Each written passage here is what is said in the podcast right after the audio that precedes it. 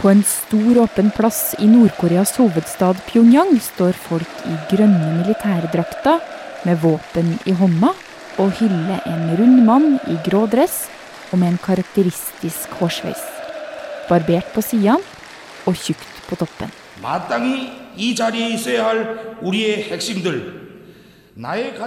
Nord-Koreas leder Kim Jong-un arrangerer støtt og stadig store militærparader.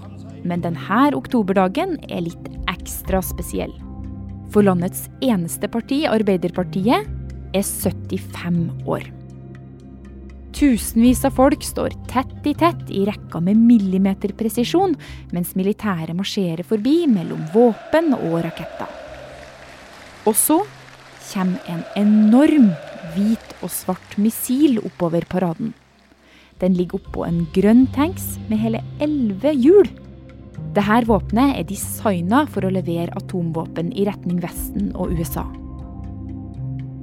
Nesten like lenge som landets eneste parti har eksistert, har verden hatt sanksjoner mot Nord-Korea.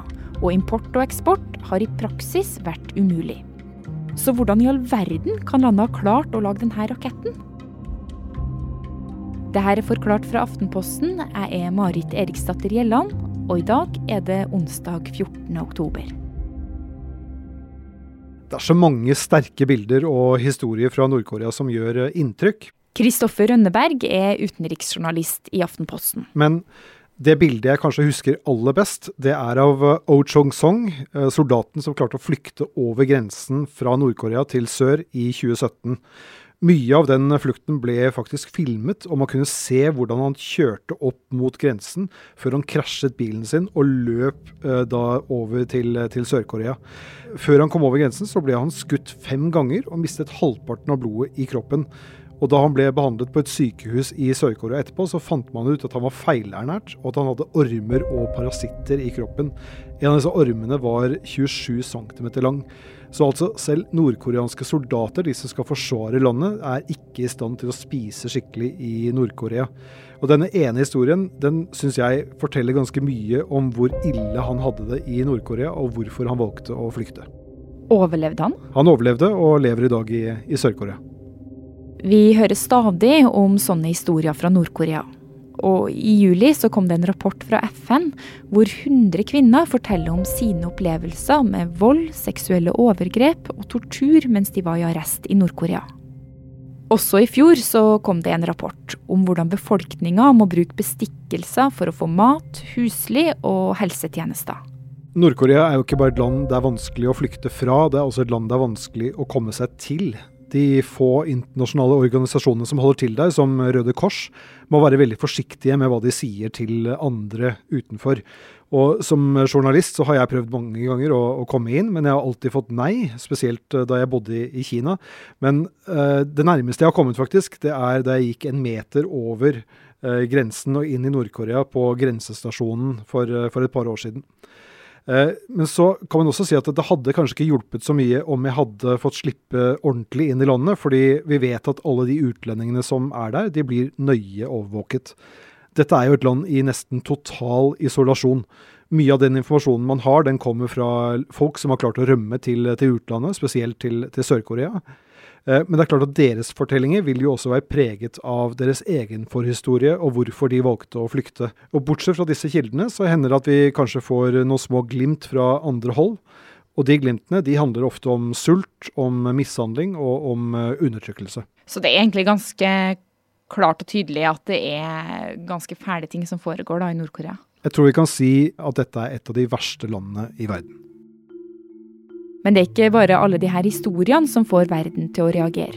For det kommer stadig litt skremmende bilder fra Nord-Korea. North Korea claims it has successfully tested a hydrogen bomb, a device which can be loaded onto a long range ballistic missile. North Korea has just confirmed det test fired a new type of submarine launched ballistic missile. North Korea showcased previously unseen intercontinental ballistic missiles at an unprecedented pre dawn military parade Analysts said the missile would be one of the largest road mobile intercontinental ballistic missiles in the world. FN og verdenssamfunnet reagerer ofte ved å fordømme overgrepene som skjer i Nord-Korea. Eh, men disse uttalelsene ser ikke ut til å ha gjort særlig inntrykk på regimet i Pyongyang. Hvordan ser du det, da? Jeg må se at det ikke endrer atferd. Uh, uansett hva som kommer av reaksjoner og sanksjoner, så, så, er det den samme propagandaen vi får fra regimet i Nord-Korea. Det er vanlig å se på sanksjoner som en reaksjon mot dårlig oppførsel. F.eks. om du som forelder er lei av at barna dine ikke spiser opp grønnsakene sine, og ønsker å endre denne oppførselen, kan du innføre sanksjonen 'ingen lørdagsgodt'. Da er jo tanken at barna over tid begynner å spise opp grønnsakene sine fordi de har så lyst på godteri. Og da kan mamma og pappa lette litt på sanksjonene. Men i Nord-Korea tilfelle er det ganske mye større sanksjoner enn null lørdagsgodt det er snakk om. Alt Nord-Korea kunne ha tenkt seg å selge til verden, typ sjømat, kull, våpen, er forbudt å kjøpe. Nesten alle verdens land forbyr i praksis handel med landet. Det er vel ingen land som er underlagt så strenge sanksjoner som Nord-Korea. Dette har verdenssamfunnet holdt på med helt siden Nord-Korea ble skapt som en følge av Koreakrigen på 1950-tallet. Og så har det kommet mange nye sanksjoner etter at nordkoreanerne prøvesprengte sin første atombombe i 2006. Mange av disse sanksjonene har kommet inn eh, via FN-systemet, så hele verden er altså med på det. Og I tillegg så har EU og USA og en del andre innført unilaterale unilaterale, altså egne straffereaksjoner mot regimet i, i Pyongyang. Disse sanksjonene handler ofte om ting som har med våpenproduksjon å gjøre, men det gjør det også veldig vanskelig å drive med noen form for handel med regimet. For den nordkoreanske økonomien så har dette fått helt katastrofale konsekvenser, noe som dessverre rammer vanlige innbyggere i større grad enn eliten som sitter helt på, på toppen. Kina og Russland har de siste årene spesielt flere ganger tatt til orde for å lette på disse sanksjonene, men de er blitt stanset ganske kjapt av, av USA og andre vestlige land. Men oppi alle de her sanksjonene, så har landet likevel klart å lage denne enorme raketten som kan frakte atomvåpen. Og hvordan de klarer å få til det når nesten ingen i verden vil handle med dem, det er det store spørsmålet som en ny dokumentar kaster lys over. En serie som har fått stor oppmerksomhet de siste dagene.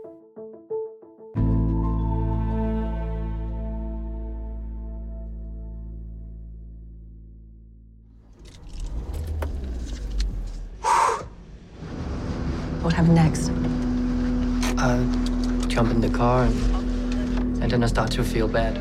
En svart bil svinger inn under ei bro nord i Spania.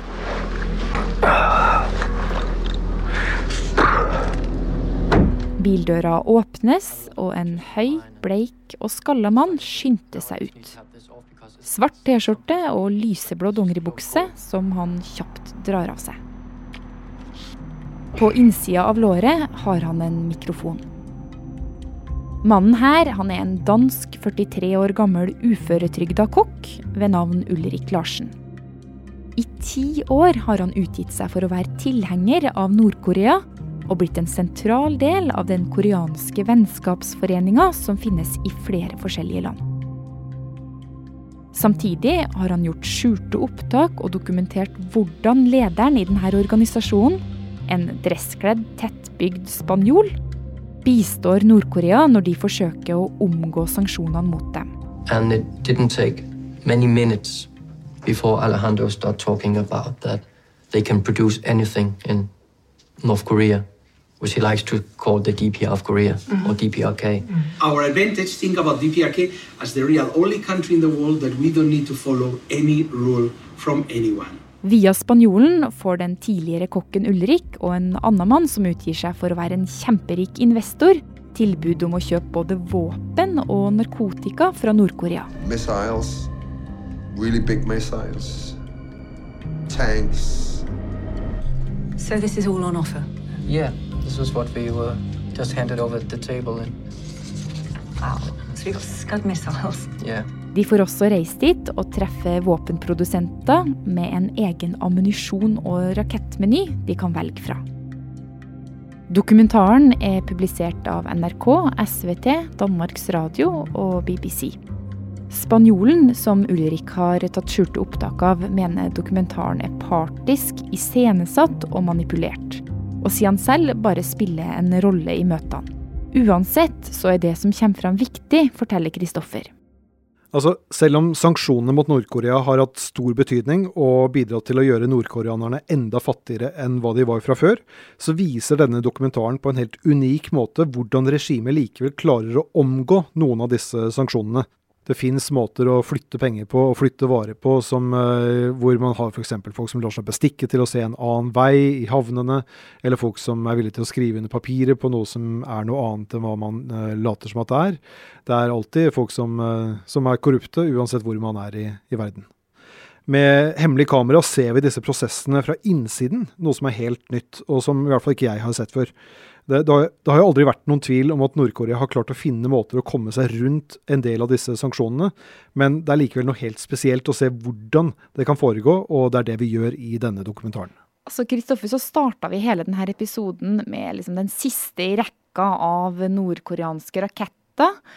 Eh, hva vet vi om hvordan de klarer å produsere stadig nye våpen når de er under sterke sanksjoner? Det største problemet med sanksjonene mot Nord-Korea er nok at de er veldig vanskelig å implementere 100% Det er vanskelig å få alle til å følge reglene slik de er ment å være. I en, I en, stor rapport for to år siden så fant eh, FN-etterforskere ut at selskaper fra flere land, bl.a. Kina, Russland, Malaysia, Filippinene og en del andre, hadde klart å selge varer til Nord-Korea som de egentlig ikke hadde lov til å selge. Og disse sanksjonsbruddene gjør det lettere for regimet i Pyongyang å videreutvikle avanserte våpen, f.eks.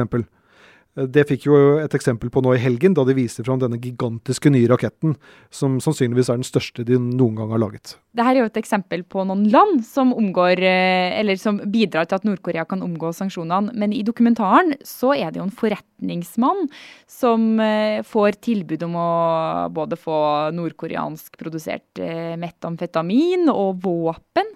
Altså, Hva sier det om Nord-Korea at de også kan tilby det til enkeltpersoner? Det vitner jo om en fleksibilitet, og denne spanske mellommannen i dokumentaren, han, uh, dokumentaren, han gjør et poeng av at uh, det er litt uvanlig å deale med en enkeltperson på denne måten med så store summer som de snakker om. Men um, vi vet jo at uh, korrupsjon finnes over hele verden. Vi vet at det finnes mennesker over hele verden som gjerne bryter lover og regler så lenge det gir dem en mulighet til å tjene penger. Husk eh, f.eks. Eh, på den kjempeavsløringen vi hadde i Aftenposten for noen uker siden om hvordan milliarder av dollar hvitvaskes i internasjonale storbanker. Og det er klart at Nord-Korea ønsker å utnytte det at det finnes så store rom i det internasjonale systemet for å kunne sno seg unna. Eh, og det får vi jo illustrert i denne dokumentaren. I rundt 70 år har Nord-Korea holdt ut sanksjonene fra verden. Sanksjoner som har blitt hardere og hardere, særlig etter at landet annonserte at de hadde utvikla atomvåpen i 2006. Men til tross for stor våpenproduksjon og enorme militærparader i Pyongyang, er det likevel ingen tvil om at Nord-Korea er et av Asias aller fattigste land. Og at nesten halvparten av befolkninga er underernært, ifølge FN. Sanksjonene har jo uten tvil gjort uh, ting vanskeligere for regimet.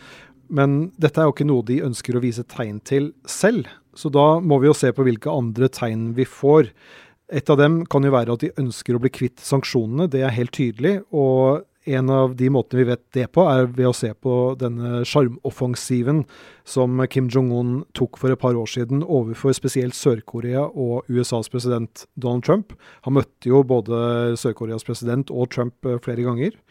I noen måneder eh, så, så det ut til at ting kunne gå i, i riktig retning. Men så ble det etter hvert tydelig at Kim aldri kom til å gi opp atomvåpnene sine. Og det er jo heller ikke kanskje så, så rart, når vi ser hvordan det gikk med Gaddafi og Eh, med Saddam Hussein i henholdsvis Libya og Irak, etter at de ga opp sine atomvåpenprogram. Men det gjør jo selvfølgelig ikke situasjonen noe bedre for den jevne nordkoreaner, som, eh, som eh, nå pga. sine myndigheter er fastlåst i en evig kald krig nok en gang. Ja, for for Saddam Hussein og, og Gaddafi så gikk det jo ikke så bra. Nei, de ble jo etter hvert styrtet og drept begge to. God kveld. Iraks tidligere diktator Saddam Hussein ble henrettet i morgentimene i dag. Saddam eh, var dømt til døden for forbrytelse mot menneskeheten. Henrettelsen er eh, møtt med vidt forskjellige reaksjoner i den islamske verden, og økt vold i Bagdad. Libyas tidligere diktator Muammar Gaddafi er død. Folk og opprørssoldater strømmer ut i gatene for å feire. Men du Kristoffer, hvordan ser det ut for eh, Nord-Korea, da? De prøver å omgå sanksjonene, eh, samtidig som du sier eh, de også ønsker kanskje å få letta dem. Kan landet bare fortsette sånn som de har gjort da i flere tiår? Marit, jeg må gi deg litt kjedelig svar og si at det er helt umulig å si. Uh, nei. Altså, ingen hadde vel trodd at uh, regimet skulle overleve sanksjonene så lenge som de har gjort. Uh, det var få som hadde trodd at uh, den veldig unge og uerfarne Kim Jong-un skulle klare å få en så sterk posisjon som det kan virke som at han har i, i Nord-Korea. jeg registrerer at Nord-Korea-ekspertene er veldig forsiktige med å spå hvordan det landet der kommer til å utvikle seg fremover, så da har, har ikke jeg tenkt å prøve meg, jeg heller.